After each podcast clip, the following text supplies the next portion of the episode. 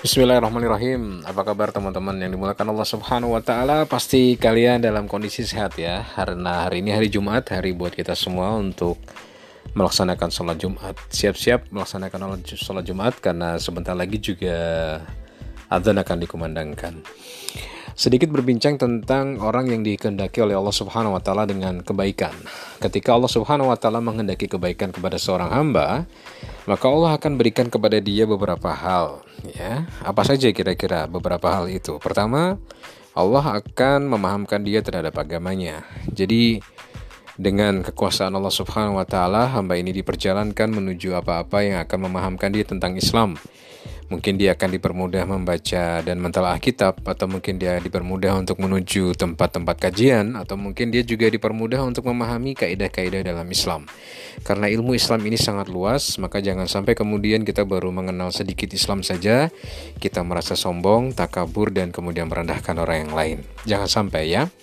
Kemudian yang kedua, dia akan dimudahkan oleh Allah Subhanahu wa taala untuk melakukan amal-amal kebaikan atau amal-amal solih amal-amal yang dituntunkan oleh Nabi Shallallahu Alaihi Wasallam, amal-amal yang mendatangkan pahala, amal-amal yang bisa mendatangkan diri kita menuju kepada jannah Allah Subhanahu Wa Taala.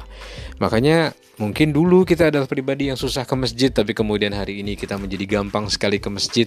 Mungkin kita adalah pribadi yang dulu susah untuk memberikan sedekah, pelit, kikir, dan tidak mau memberikan berbagi rezeki kepada orang lain, orang yang membutuhkan.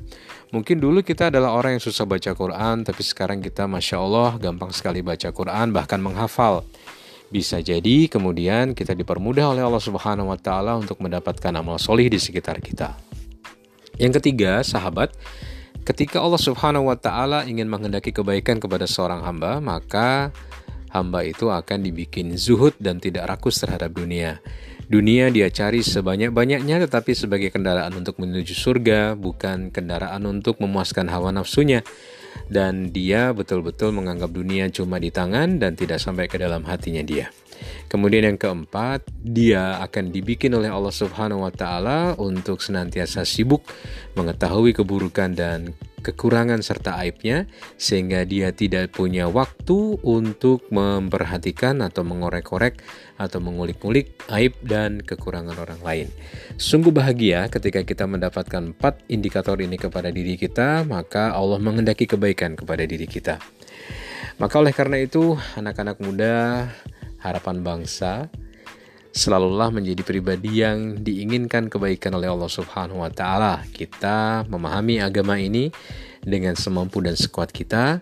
Kita dekat dengan amal solih, kita zuhud terhadap dunia, tidak rakus terhadap dunia dan segala isinya, serta kita lebih sibuk untuk melihat kekurangan kita daripada mengurusi kekurangan orang lain. Terima kasih banyak dan insya Allah kita akan berjumpa kembali di rekaman-rekaman berikutnya.